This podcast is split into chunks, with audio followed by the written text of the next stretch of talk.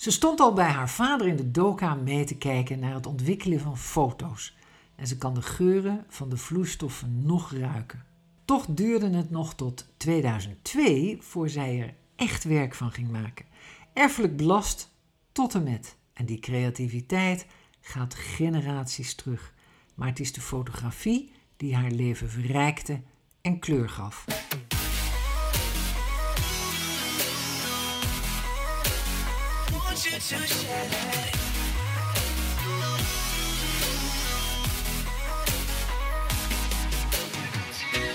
Leuk dat je luistert naar Pams podcast. De podcast over alle zaken die het leven de moeite waard maken. Een interview met Pam van Geloven met mensen die werkelijk iets te vertellen hebben. Elke maand een nieuwe gast en elke maand een verrassend onderwerp. We gaan beginnen.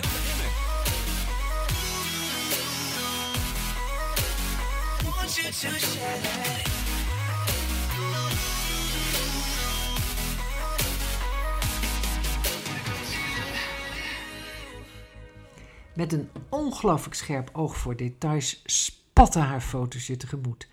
Dat zie je ook terug in haar tekeningen. Messcherp, vaak met een hele kleine kwinkslag.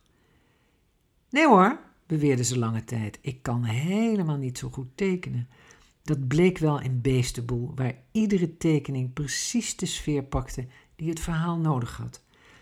Ze is echt veel te bescheiden. En oh ja, ze wilde ook niet in een podcast. Zo blij dat ze tegenover me zit. Welkom, Diana Blommendal van Imaria Fotografie. Dankjewel, Pam.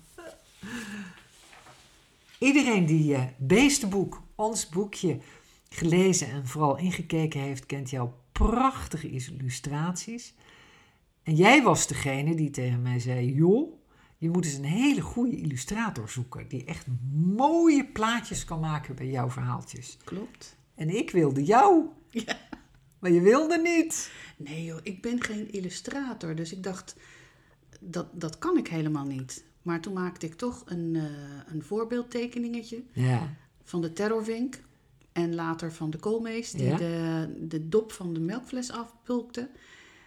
En die vond jij zo leuk dat ik dacht van nou, ik ga gewoon verder op mijn iPad. Want Nou, ze zijn allemaal op de iPad gemaakt. Ja. ja, het leuke was dat de- jij was heel verbaasd dat ik zo enthousiast was. Maar iedereen in mijn omgeving die die tekening zag, die werden helemaal gek. Die hadden allemaal zoiets van, wauw, wie heeft dat gemaakt? Weet je wel, zo. Dat was zo ontzettend leuk. En het is een boekje geworden waar we ontzettend veel plezier aan hebben beleefd. Enorm. En we hebben veel geluncht, veel gekletst. Heel veel. Het was, ja, het was gewoon een heel leuk creatief eh, proces. En eh, voor jou zijn er ook nieuwe dingen op je pad gekomen. Ja. Want je bent erachter gekomen wat er allemaal aan te pas komt. Oh, Om zo'n boekje te maken. want jij wist het al. Jij had alles Ja. een boek gemaakt. Klopt, over Frankrijk. Samen met de journalist Frans Collignon. Ja, En het is begonnen als een eh, uitdaging. Dat ik hem een foto gaf van... joh, eh, verzin jij hier eens een verhaal bij?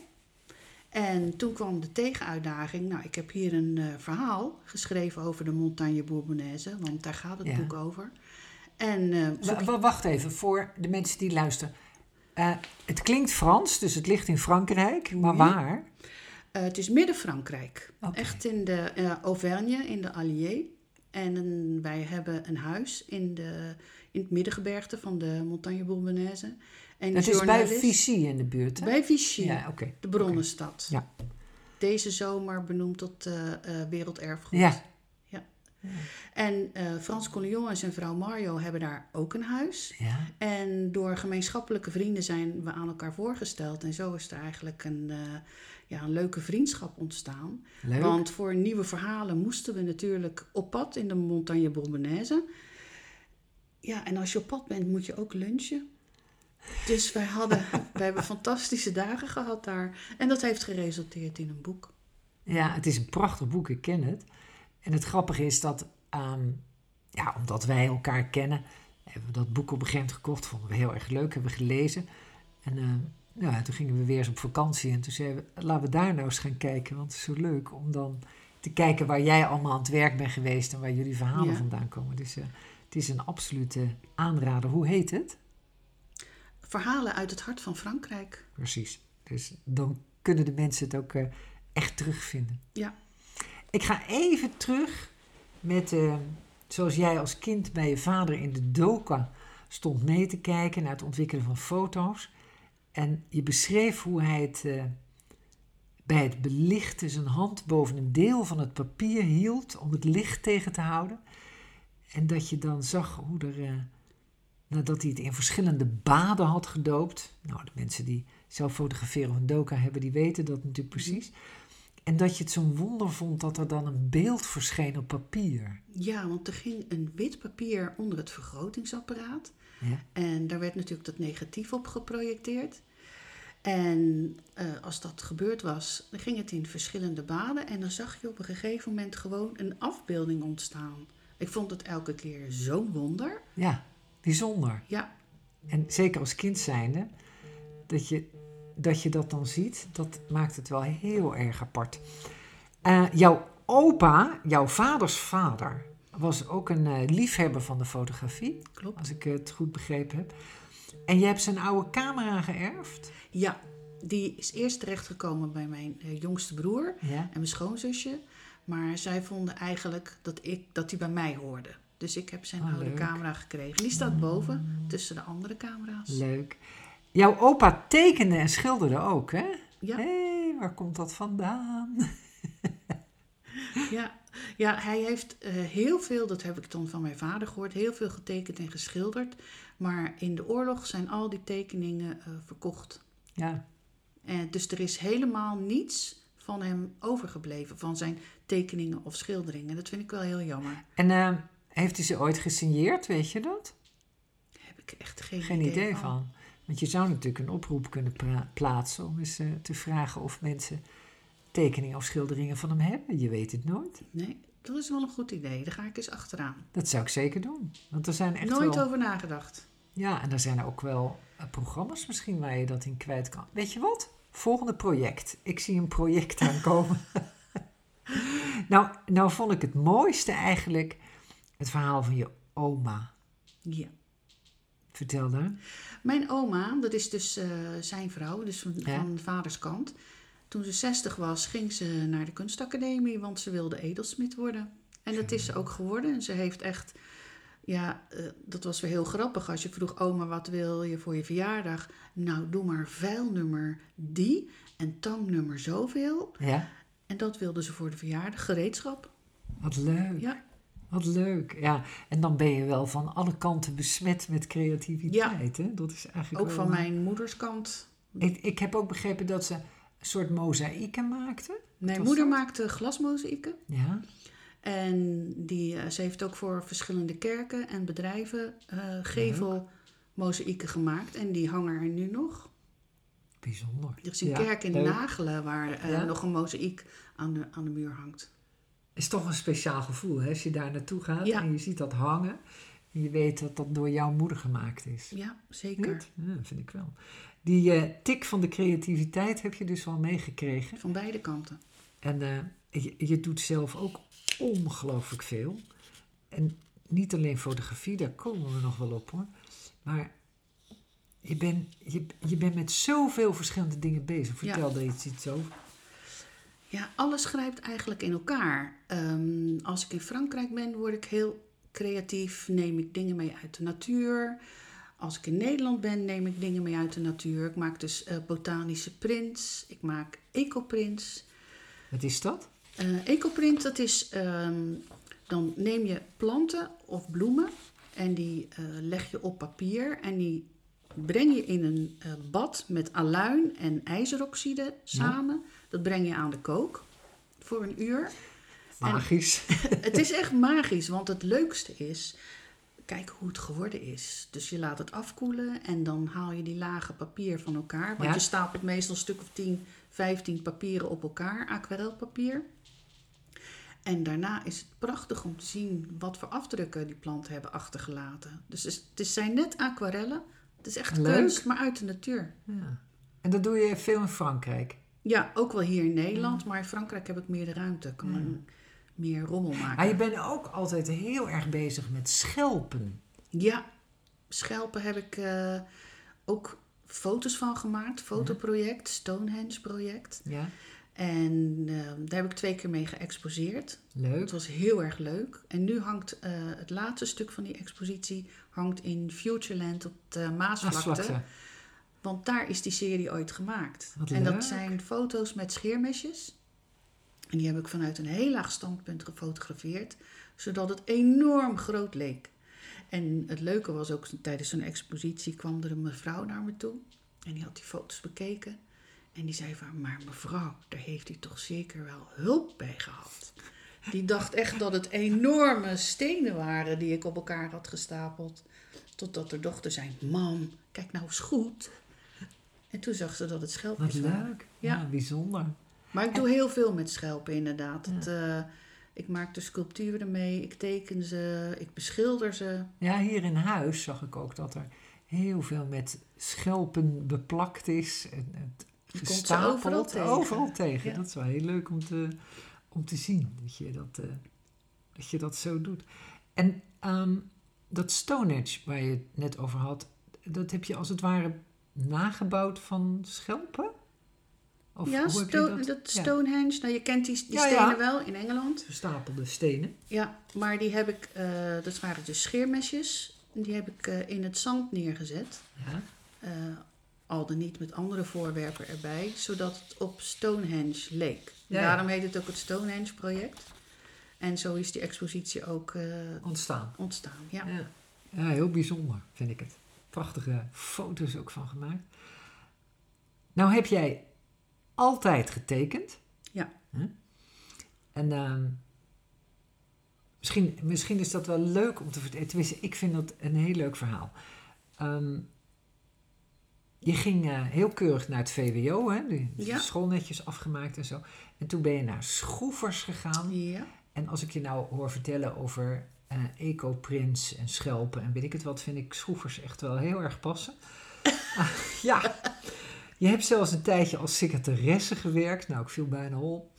eh, tot je zwanger werd. Want, nou ja, je had Bertje Man. Ja. Die had je ontmoet op de danslessen bij meneer de Klerk. Nou, iedereen die uit Rotterdam komt, die kent natuurlijk meneer de Klerk. Want we hebben daar allemaal gedanst vroeger. En ehm, nou ja, jullie hebben elkaar daar ontmoet. En het was eh, Love at First Sight, Ja. zoals dat heet. Nooit meer met een ander gedanst. Nooit meer? Nooit Leuk. meer met een andere partner. Oh, schattig. En jullie zijn daarna getrouwd. En eh Danielle is toen geboren. Je hebt bij je vader gewerkt. Ja. Dus je bent je bent eigenlijk heel eh, standaard bezig geweest. Je vader had toen een, een bedrijf gestart. Ik heb begrepen dat Bert is nu directeur daar. Ja, dus klopt. dat wordt weer voortgezet. En ehm, nou ja, weet je, je jongste dochter ge- werd geboren. Een leuk gezinnetje. Fijn, allemaal hè, heel erg. En daarnaast had je wat creatieve uitingen zo tussendoor. Ja, kan Toen de kinderen ouder werden, Ja. was daar eindelijk weer ruimte voor. Ja, en toen werd het ineens 2002. En toen? Ging ik los. Ging ik echt los. Want ik, ehm, ik had heel veel paardenportretten getekend daarvoor. Ja. En daar maakte ik foto's van. Van die paarden maakte ik eerst foto's. Ik liep eromheen. Ik moest, wel, moest er wel omheen lopen om te weten hoe, wat het karakter van zo'n paard was. Maar ik maakte foto's als geheugensteuntje. Ja? En toen kwamen de eerste digitale camera's. Nikon D70 was mijn eerste camera. Heerlijk. Ik kon eindelijk doen wat ik al die tijd al had willen doen. Gewoon foto's maken zoals ik het graag wilde. En toen kreeg ik ineens een vraag van iemand van... kan ik die foto kopen? En ik dacht, huh? En toen kwam alles ineens in een stroomversnelling. Toen kreeg ik meer vragen van mensen, eh, kunnen we die foto's kopen? En toen ben ik naar de Kamer van Koophandel gegaan. Ik heb me ingeschreven. En toen kwamen van eh, bladen zoals Hoefslag en de Paard en Sport kwamen de eerste opdrachten. En die krijg ik nu nog steeds. Gek, hè? Heel vreemd. Maar die, die fotografie heeft mij zoveel gebracht. Ja. Je denkt, het is gewoon werk. Nee, het brengt je op de meest afgelegen plekken. Mooie plekken, niet zulke mooie plekken. Maar elke plek is bijzonder, want ieder mens heeft zijn verhaal. Ja. En waar je ook bent, elk verhaal is bijzonder. En Ja. dat ik er binnen de loop van de jaren echt eh, mogen meemaken dat mensen die verhalen met me willen delen. En dat is dan via de fotografie, maar ook wat ze vertellen. Ja. En ik hoop dan altijd dat je een beetje van die verhalen terugvoelt in de foto's. Nou, dat lukt wel. Want ik, ik maak. eh, eh, nee, dat, dat doe ik zo. Ik wil eerst even. Imadia. Ja. Waar staat dat voor? Dat staat voor Image de Diana of Images by Diana. Ja, Net hoe je het wil ja vertalen. het is maar net hoe je het. eh, Maar dat zijn echt mijn beelden, want sinds 2002 ehm, doe ik pas waar ik voor geboren ben. ja. In die fotografie, in die creativiteit, daar kan ik alles in kwijt. Dus dit is waar ik al die tijd naartoe gewerkt heb, denk ik wel eens. Nou ja, een tijdje nodig gehad om daar te komen. Nou, kennen wij elkaar al heel lang. Vanaf, eh, ja, zeg maar, de beginjaren van Horse Event. Ik heb het opgezocht, ik denk zo van rond 2004. Ja, dat klopt. Heb ik ook opgezocht. Ja. Dat is leuk. En Horse Event, eh, eigenlijk het leukste paarden-event wat we kennen in, eh, in Nederland. En misschien wel ver daarbuiten. Jij deed het vastleggen van al die mooie momenten hè, die er waren. En dat, ja, dat deed je in fascinerende foto's, vond ik. En ik kletste daar de boel aan elkaar. Weet jij nog hoe we elkaar ontmoet hebben? Ja, ik weet nog dat ik voor de eerste keer officieel ging fotograferen eh, op Horse Event. Toen ehm, stelde Gijs Bartels, hè, de organisator, die stelde mij voor aan jouw man Paul. En die zei van, kijk, en daar zit Pam. Ik had geen flauw idee wie Paul was. Ik had geen flauw idee wie Pam was. Maar omdat Gijs mij aan Paul voorstelde, dacht ik van, oké, dan ehm, zullen deze mensen wel belangrijk zijn. En nou, dat, het klikt ook eigenlijk gelijk. We hebben elkaar daar voor het eerst ontmoet, elkaar gesproken. En vanaf die tijd was het gewoon elk jaar weer heel vertrouwd samenkomen op Horse Event. En Animal Event later. Ja, we hebben uiteindelijk wel, eh, ik ben ook zelfs nog een paar keer bij de dressuurdagen hier in Oud-Beierland geweest. Ja, en op het. CHIO. En op het CHIO hebben we elkaar veel gezien en zo. En eh, het was altijd wel leuk, want af en toe dan zag ik je aankomen.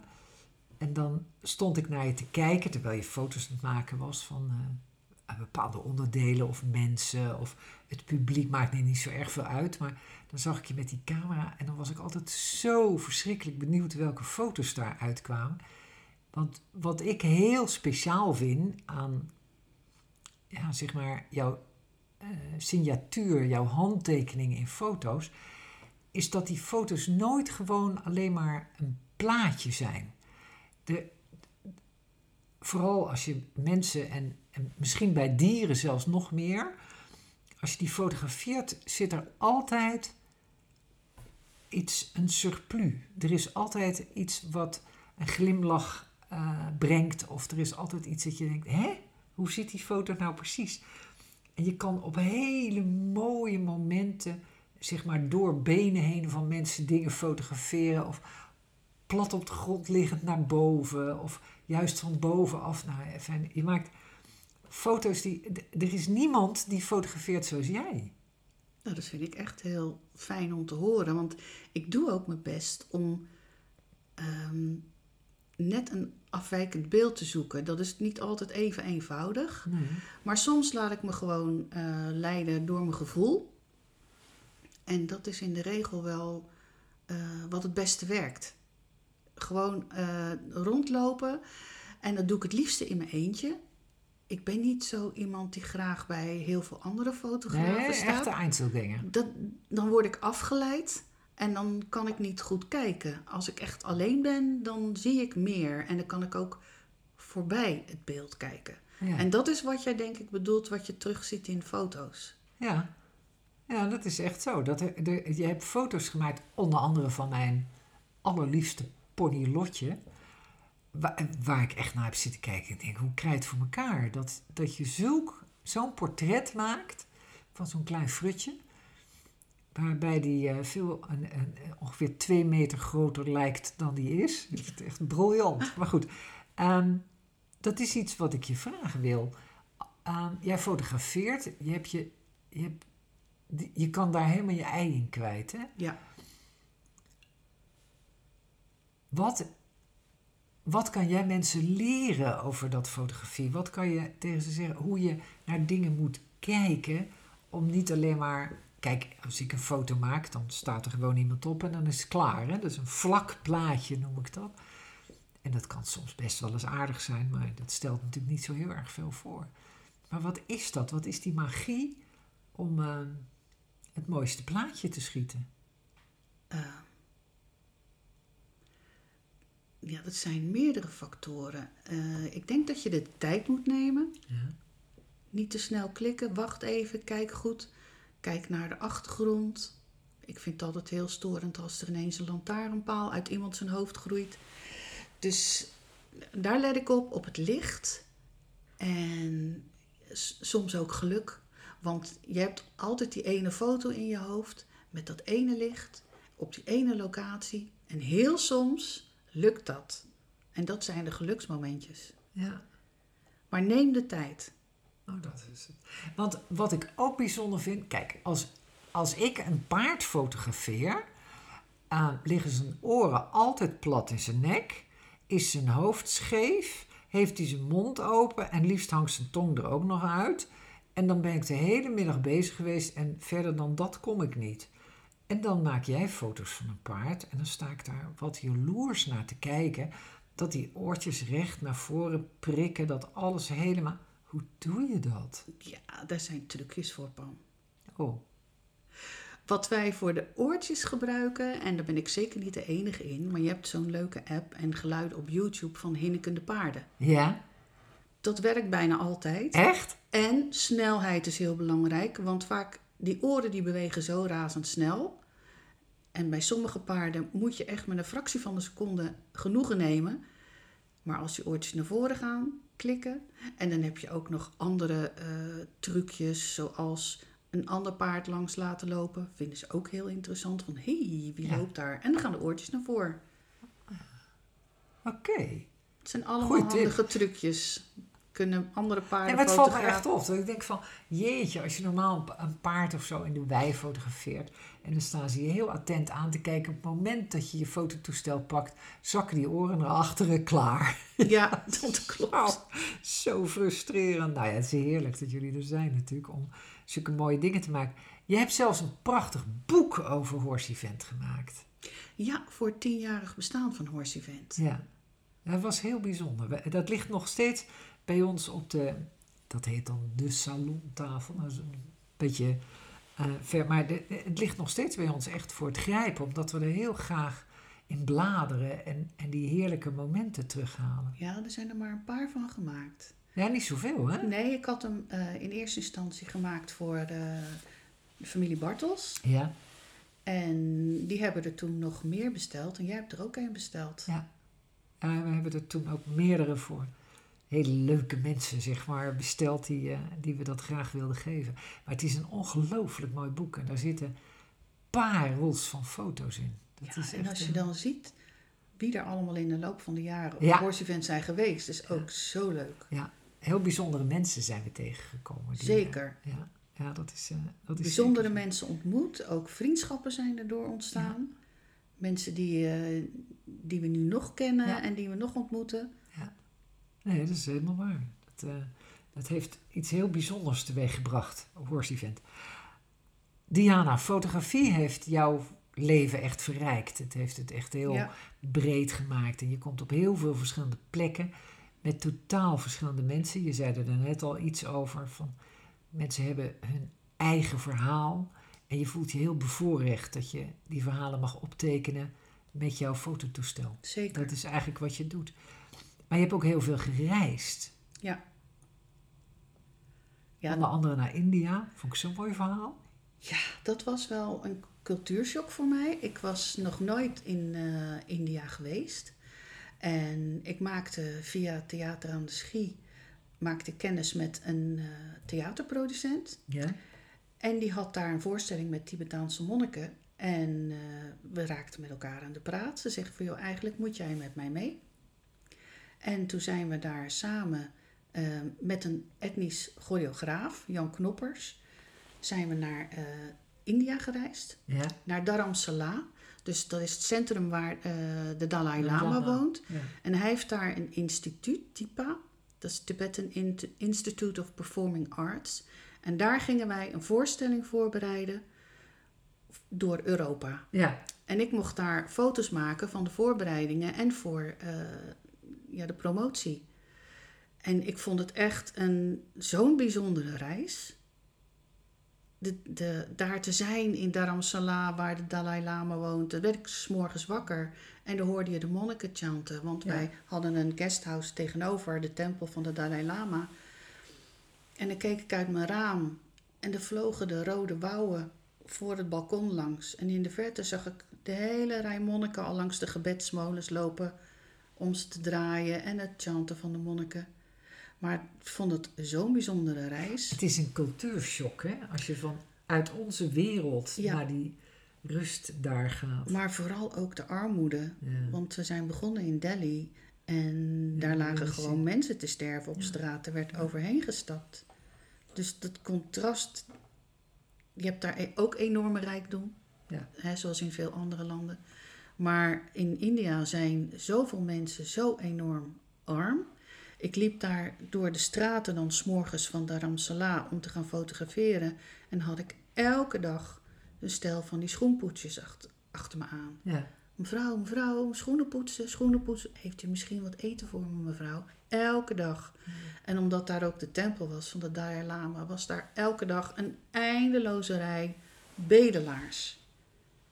Dat vond ik heel erg moeilijk. Want dan zei ze, ja, je moet ze gewoon negeren. Je moet ze gewoon negeren. Maar dat is zo moeilijk. ja, maar ja, dat zijn we niet gewend. Want de Dalai Lama doet dat niet. Nee, nee, je hoort als boeddhist hoor je eh, datgene wat je hebt te delen. Ja, want wij waren daar ook op ehm, Enlightenment Day. Dat is dan Ja. een speciale dag daar. En er gingen al die monniken, deelden aan al die bedelaars een paar centjes uit. Ja. Aan allemaal. Ja, bijzonder om dat eh, mee te mogen maken. Ja, zeker. Maar, je was niet alleen in India, je bent ook naar Zuid-Afrika gegaan. Ja, daar ben ik door mijn vriendin Dia terechtgekomen.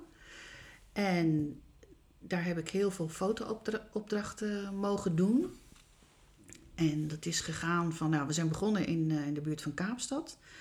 Maar daarna ben ik ook naar eh, Pretoria gereisd, Pietermaritzburg, Durban. En daar heb ik allemaal fotoopdrachten gedaan. Op de meest mooie plekken die je maar kan verbeelden. Ja, Zuid-Afrika heeft natuurlijk een overweldigende natuur. Hè? Dat is zo'n Ja. prachtig land. Ja.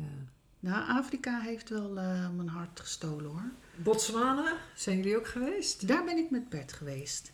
Dat is eh, een paar jaar geleden. Toen zijn we, want dat was Bert's jongensdroom, dus oké. Bovenop een Landcruiser slapen Oh, in de jungle. Nou ben ik geen kampeerder. Dus dat was voor mij best een uitdaging. Maar we hebben het gedaan en inderdaad, als je gewoon midden in de bush, geen elektriciteit, geen water, helemaal niets, dat je dan in de bush staat en dat, je, dat er achter je tent een olifant staat te knagen aan een boom. Dat je de nijlpaarden hoort knorren, dat de hyena's rond je auto lopen. Ik vond het overweldigend. En vooral de sterrenhemel in Botswana. Ja, dat is... eh, Je hebt geen eh, Lichtvervuiling. lichtvervuiling. Het was fantastisch. Een hele bijzondere reis. En ik ben heel blij dat ik dat heb gedaan. ja. Prachtig land, Botswana. Ja, zijn we dat, ook eh, eh, nog doorgereisd naar de Victoria watervallen. En een stukje Zambia ingelopen. Ge- Gewoon even de grens overgelopen over de brug. Gewoon omdat het kon. Dan waren we ook in Zambia geweest. maar de Victoria watervallen zijn ook overweldigend. Dus de, de natuur van Afrika, de mensen van Afrika. met hoeveel foto's ben je wel niet teruggekomen? Heel veel. Ja, dat zal wel. En af en toe blader ik er weer doorheen. Prachtige Voor het gevoel. natuurlijk. Hè? Maar ja, die hele mooie verhalen van die mensen van de hele wereld... dat vind je hier in de Hoekse Waard, waar jullie wonen, ook terug. Hè? Ja, natuurlijk. Want, want weet je, in India hebben we heel veel eh westelingen gezien die op zoek waren naar Ja. verlichting. Overal hebben we zoekende mensen gezien, maar wat die mensen zoeken vind je gewoon in je eigen achtertuin. Ja. Het- dat zit in jezelf. Dus of je nu langs het spui loopt of door het bos. Dat, dat gevoel vind je terug in jezelf. Maar ja, misschien moet je wel zoveel reizen om daarachter te komen. Dat je helemaal niet zo ver weg hoeft. Ja, dat denk ik ook. Dat je het thuis net zo goed kan vinden in jezelf dan eh, als je verre reizen maakt. Maar misschien moet je wel ver reizen om dat te leren. Ja. Huh? Dat denk ik wel. Ik heb een paar leuke dilemma's voor je. Oh jee. Ben je er klaar voor? Ja. Ehm, paarden fotograferen of balletdansers fotograferen? Dat is echt een dilemma. Dat is echt een dilemma. Misschien moet ik het Maar uitleggen. ik mag niet. Want ehm, dat weet natuurlijk niet iedereen. Dat je, je, je fotografeert ongelooflijk veel dieren, eh, paarden, mensen. Maar je hebt een enorme liefde voor de dans. Je hebt ook een prachtige kalender uitgebracht waarop dansers... Nou, vertel het zelf maar. Ja, dat, dat was altijd al een droom van me om eh, professionele dans samen te brengen met paarden. Nou, dat is eh, dankzij die eerder genoemde eh, choreograaf Jan Ja. Knoppers gelukt. Want die heeft me in contact gebracht met een dansgezelschap. De Dutch Don't Dance Division uit Den Haag. En de artistiek leider Rine Sprong, die zei wat een leuk idee. Maak maar een plan. En eh, toen zijn we begonnen eh, in de Medistal bij Tim Komans, hier in Oud-Beijerland. Ja? Daar hebben we de eerste foto's gemaakt. En dat vond Rinus zo prachtig. En de resultaten waren ook mooi. Ik was er zo blij mee dat hij zei van... joh, daar moeten we een kalender van maken. En toen hebben we dat met alle dansers gedaan. Het was een enorme operatie. De hele dag fotograferen met dansers en paarden. Maar het is zo ongelooflijk mooi geworden. En ook, ik heb ook zoveel respect gehad voor die dansers. Want het waren echt professionele dansers. Nou, zijn die zuinig op hun lichaam Ja. of niet? Ja, nou. Bij die grote paardenvoeten. Nou, Maar gelukkig hadden we allemaal superbrave paarden. Die hebben geen pas verkeerd gezet. Dus ook die eigenaren, daar waar ik, was ik ontzettend blij mee dat die die paarden zo goed hadden opgevoed. maar die dansers hadden dus nog nooit een paard van zo dichtbij gezien. nee. Het waren allemaal dansers uit eh, Spanje, Brazilië, Indonesië, ehm, Frankrijk, Portugal, Italië. Hadden nog nooit een paard van zo dichtbij gezien, laat staan aangeraakt. Maar weet je, dansers zijn creatieven. Ja. Die hebben vaak geen dubbele agenda. Die zijn zoals ze zijn. Dus die paarden die waren ook heel open. En die krulden zich als het ware om die dansers heen. Er zijn echt hele mooie momenten ontstaan. Ja, het zijn ook beeldschone foto's. Maar het dilemma blijft: paarden fotograferen of dansers? Ja, ik moet kiezen. Nou, voor het dilemma is het leuk, ja. Ja, ik kan niet kiezen, maar Dan doen we dit niet, dan doen we dit samen. fijn. Dat is het ook opgelost. Ik heb nog een aardig dilemma. Ehm, zou je liever hier in Nederland blijven of naar Frankrijk gaan? Hier in Nederland blijven. Ja? Ja. Ehm, in Frankrijk is het natuurlijk ongelooflijk mooi. Maar in de winter trekt toch iedereen naar binnen. En Ja. hier hebben we centrale verwarming en daar niet. Dat scheelt ook een heel stuk. Slok op een borrel. Elke ochtend om vijf uur de kachel aansteken omdat het anders te koud wordt. Dat is, eh, dat, dat is leuk als je daar in de winter een weekje zit. Zo rond oud en nieuw gaan we er altijd heen. Maar dan ben je weer extra blij met je centrale verwarming als je thuis komt. Wie of wat zou jij absoluut niet willen missen? En dan heb ik het niet over Bert en je twee lieve meisjes. Maar wie of wat zou je niet willen missen? Ja, ik zou dus zeggen mijn gezin inderdaad. Ja. En daarbuiten mijn familie. Ja. Maar al dan kies ik voor een wat. En dat is mijn camera. Dat mag. Het is helemaal goed, het is jouw antwoord. En wat zou je ooit nog eens willen doen? Ik zou graag nog een keer eh, met Bert een reis willen maken voor National Geographic. Dat lijkt me zo fantastisch als je daarvoor op pad wordt gestuurd. Maar ehm, die kans is vrij klein. Dus dan kies ik ervoor om toch op reis te gaan naar IJsland, naar Namibië en Jordanië. Nou, het ligt iets uit de buurt van elkaar, dus Ja, dat geeft drie hele mooie eh, reismomenten. En met wie zou jij nou een dag willen ruilen? met niemand. Dat is fijn.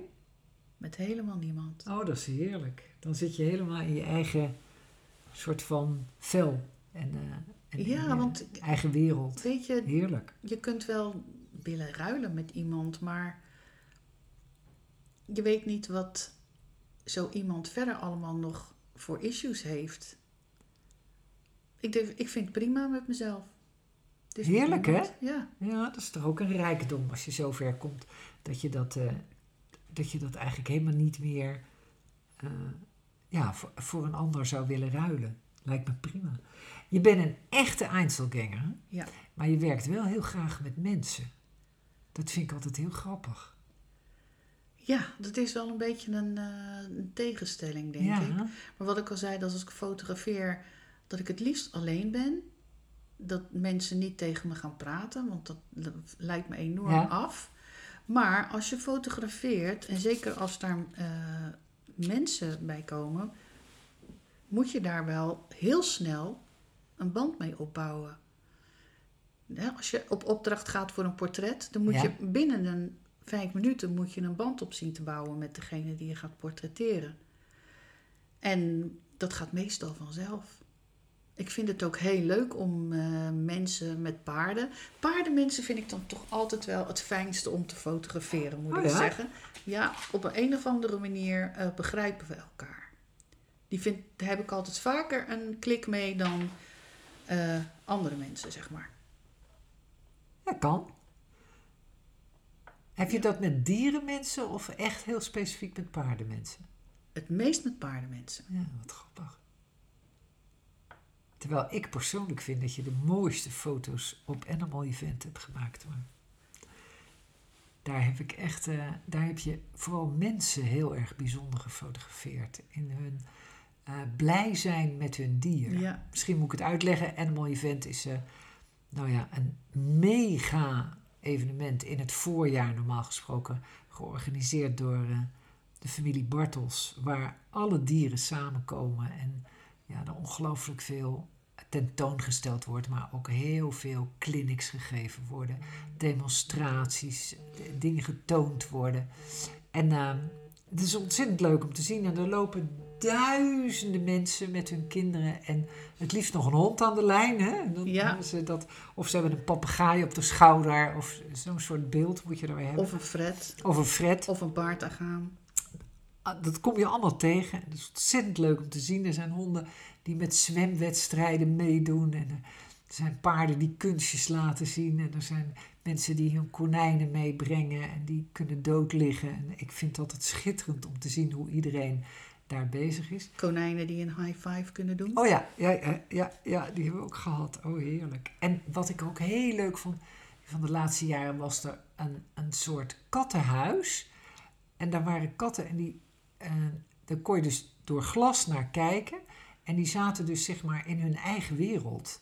En die gingen daar allerlei dingen doen waarvan je zat te kijken dat je dacht van... hé, dat doet mijn kat ook, maar oh, doet hij dat daarom? Dat je ineens kon plaatsen waarom beesten bepaald gedrag vertonen, vond ik ook heel bijzonder. Maar goed, ik ga even terug naar waar ik begon. Dat je daar zulke ongelooflijk mooie foto's van mensen hebt gemaakt. En de mensen samen met hun beest. Ja. Dat vind ik fascinerend. Oh, zo mooi. Maar het is ook gewoon leuk om te zien hoe mensen met hun dieren omgaan. Ja. Die band die ze met elkaar hebben.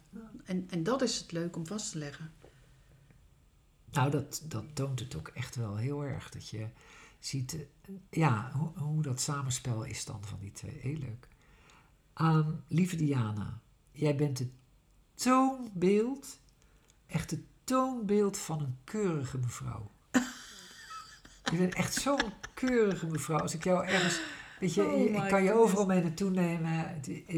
Hè, bij wijze van spreken dat je even voorstelt en zo. En dat iedereen zegt, oh, dat zijn vriendinnen. Twee van die dikke dames die plezier hebben. En dat, hè, helemaal zo'n keurige mevrouw. En waar komt nou dat razendscherpe oog vandaan? Dat oog wat voortdurend ook wel iets ondeugends heeft, vind ik. Een dikke knipoog geeft, maar dat oog wat precies dat plaatje pakt wat je moet hebben. Ik heb geen flauw idee waar dat vandaan komt. Dat is denk ik eh, gegeven, Een talent. een talent. Ja. Want dat is zo grappig als ik jou zie. Ik heb natuurlijk in voorbereiding van deze podcast daar heel ernstig over nagedacht. Dat ik dacht van ja, goh, eh, als ik Diana zo voor me zie. Ik weet zeker als jij met wie van de drie zou meedoen, dat niemand eruit haalt dat jij dat bent. Dat, dat weet ik echt zeker. Ja, je moet natuurlijk wel even goed afstemmen met die andere radio. Maar, maar dat mensen echt een, een heel flamboyant of een heel, weet je wel, zo'n zo spannend iemand als Ja. fotograaf. En ik ken natuurlijk een hoop fotografen in Nederland die er eh, uitermate spannend uitzien, om het Nou, zo te zeggen. Maar dat is. eh, maar dat is misschien ook wel mijn kracht. Dat ik niet zo opval. Dat ik gewoon Zou kunnen. overal tussendoor glij. En dat ik dan eh, juist die bijzondere momenten kan vastleggen. Ja, het zou kunnen. Want het is wel heel opvallend hoor. Zo'n hele keurige mevrouw die maakt de meest bijzondere foto's van bijzondere momenten. Ja, je verwacht het niet. Je hè? verwacht het niet, maar ze doet het wel. Maar dat was ook het leuke, dat ik ehm, in het verleden van die heavy metal concerten heb vastgelegd. Ja, dat moet je ook nog even vertellen. Dat was wel Zo echt, grappig. ja, en dat, dat zijn dus echt heel harde muziek. Ja, ik wil het nog even herhalen hè. Ja. Metal muziek hè. Hoe Ja. oud ben je? Nu? Ja, Nu ben ik 63. ja, precies. Nee, dat het even Maar helder toen is. was ik ook al in de 50. Ja, daarom. Ehm, maar weet je, eh, ook dat is dat gothic publiek ook. ja. Maar dat dit zijn zulke leuke mensen. Vriendelijk. Echt eh, nooit een probleem mee gehad. En bij eh, de meeste grote concerten heb je een fotopit waar je in mag. Dat is Ja. dat stukje vrije ruimte voor het podium waar de fotografen dan heen en weer Ja. mogen lopen. Maar bij kleinere bands en kleinere zalen heb je geen fotopit. Maar als je dan eh, vooraan wil staan, heb je dus een probleem. ja. Want het staat allemaal voor het podium geklit. En misschien ook mede eh, door mijn uiterlijk en mijn leeftijd werd ik altijd voorgelaten. Nee hoor, gaat u maar. Gaat u, ga maar hoor. Nee, ik scherm je wel af. Ik blijf wel achter je staan. En dan keihard in Wat je leuk. nek staan te grunten tijdens zo'n concert. Wat leuk. Ja, Want het waren niet de minste. Eh, ik noem er een, bijvoorbeeld Within Temptation. Heb je natuurlijk jarenlang de fotografie voor gedaan. heb ik een aantal jaren eh, mogen fotograferen. Ja, ook tijdens de grote concerten Ja. eh, in Antwerpen. Ja. Ja. Dat, Heel nog- bijzonder. ik zie dat helemaal de voor zo'n keurige mevrouw die daar dan tussendoor schuift en dat aan het eh, prachtige foto's aan het maken is. En ze waren ook beeldschoon, je foto's. Dus ik vond het wel heel bijzonder dat je ook, ook die kant heb je. En dan, dan Ja. komen de mensen weer terug, hè? want dan fotografeer je eigenlijk alleen maar mensen. Ja. Maar ja, kijk, het is ook theater, hè? Theater ligt ook, eh, vind ik ook gewoon heel mooi om te doen. Ja. Gewoon door de, door de belichting en de actie. Ja. Dat is gewoon heel eh, uitdagend ook om te doen, bandfotografie. Want het licht is altijd heel lastig. Ja. Ja, hoe groter de band, hoe meer licht ze hebben. Dan wordt het weer wat eenvoudiger. Maar het leuke is juist om de kleinere bands echt mooi op de foto te zetten. Leuk. Je wordt eh, overal gevraagd om te fotograferen. hè, In, allerlei verschillende geledingen. Heel veel paardenfotografie. Maar ja, we hebben eh, goed kunnen horen waar je nog meer eh, aan het werk bent. Als de opdrachten gaan stoppen, dan ga jij niet stoppen met fotograferen. Dat kan ik me niet voorstellen. Nee, Nee, dat is, eh, dat, dat, ik kan me niet voorstellen dat het ooit stopt. Want ik moet gewoon elke dag iets maken. ja. En of dat nou een foto is, of een tekening, of een, eh, een schets, of een schildering. Nee, ik denk niet dat ik ooit stop. Want dan word ik heel zaggerijnig. Ja, ja. dat is niet de bedoeling.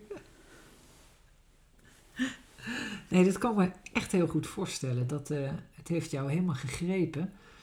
Ik vind het vooral zo leuk dat je daar zoveel later, zeg maar, eh, dat dat helemaal tot ontwikkeling is gekomen. Heb je daar trouwens voor, voor geleerd nog? Heb jij Nee. cursussen gedaan of zo? Dus Nee. puur een natuurtalent. Ehm, ja, gewoon alles eh, in de praktijk geleerd. Heel veel fouten gemaakt.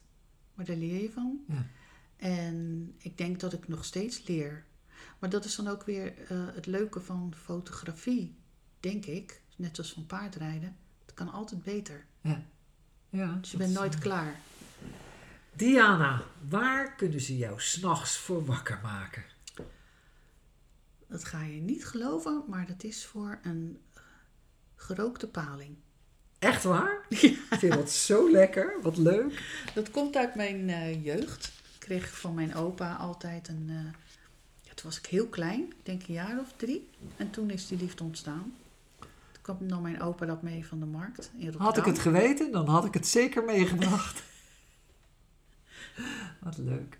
Diana, het was een heerlijke podcast. Ik ben blij dat je zoveel verteld hebt over alles wat je bezighoudt. Dat we het samen gehad hebben over eh, ons boekje Beestenboel. Ik ben ijverig aan het schrijven voor deel 2, maar dat wordt natuurlijk lotje. Ach ja. Dus je krijgt een ernstige opdracht om straks al die tekeningen van Lotje te gaan maken. Oh jee. Oh jee. Oh jee. Eh, dat ligt nog in de toekomst, dat is nog niet helemaal zover. Maar dat was super leuk om het over het te hebben. Maar ook een horse event, een animal event, je, je prachtige exposities, de Maasvlakte, het kwam allemaal langs. Ik vind het onwijs leuk om zo een keer met je gepraat te hebben, want we praten altijd maar over doe dingen, zeg maar. hè. Ja. We zijn altijd bezig en we zijn altijd met dingen bezig, maar nu eh, ja, zagen we een heel klein stukje Diana achter de camera. Ja, En dat vond ik wel eens leuk. ik vond het ook erg leuk om het eens een keer met, om met jou op deze manier over te hebben. Ja. Het viel me mee, het viel me mee. Veel mee, hè? Ja, Dankjewel, Diana Bloemendaal. Dankjewel. Bedankt voor het luisteren. Dit was het dan weer. De PAMS podcast over bijzondere, verrassende, leuke, speciale onderwerpen met een studiogast die het luisteren meer dan de moeite waard was. Op de eerste woensdag van de maand kun je weer luisteren naar een nieuw verhaal in deze serie. Ik hoop dat je het leuk gevonden hebt. En wil je je abonneren? Doe het dan nu op PAMS podcast om in de toekomst niets te missen.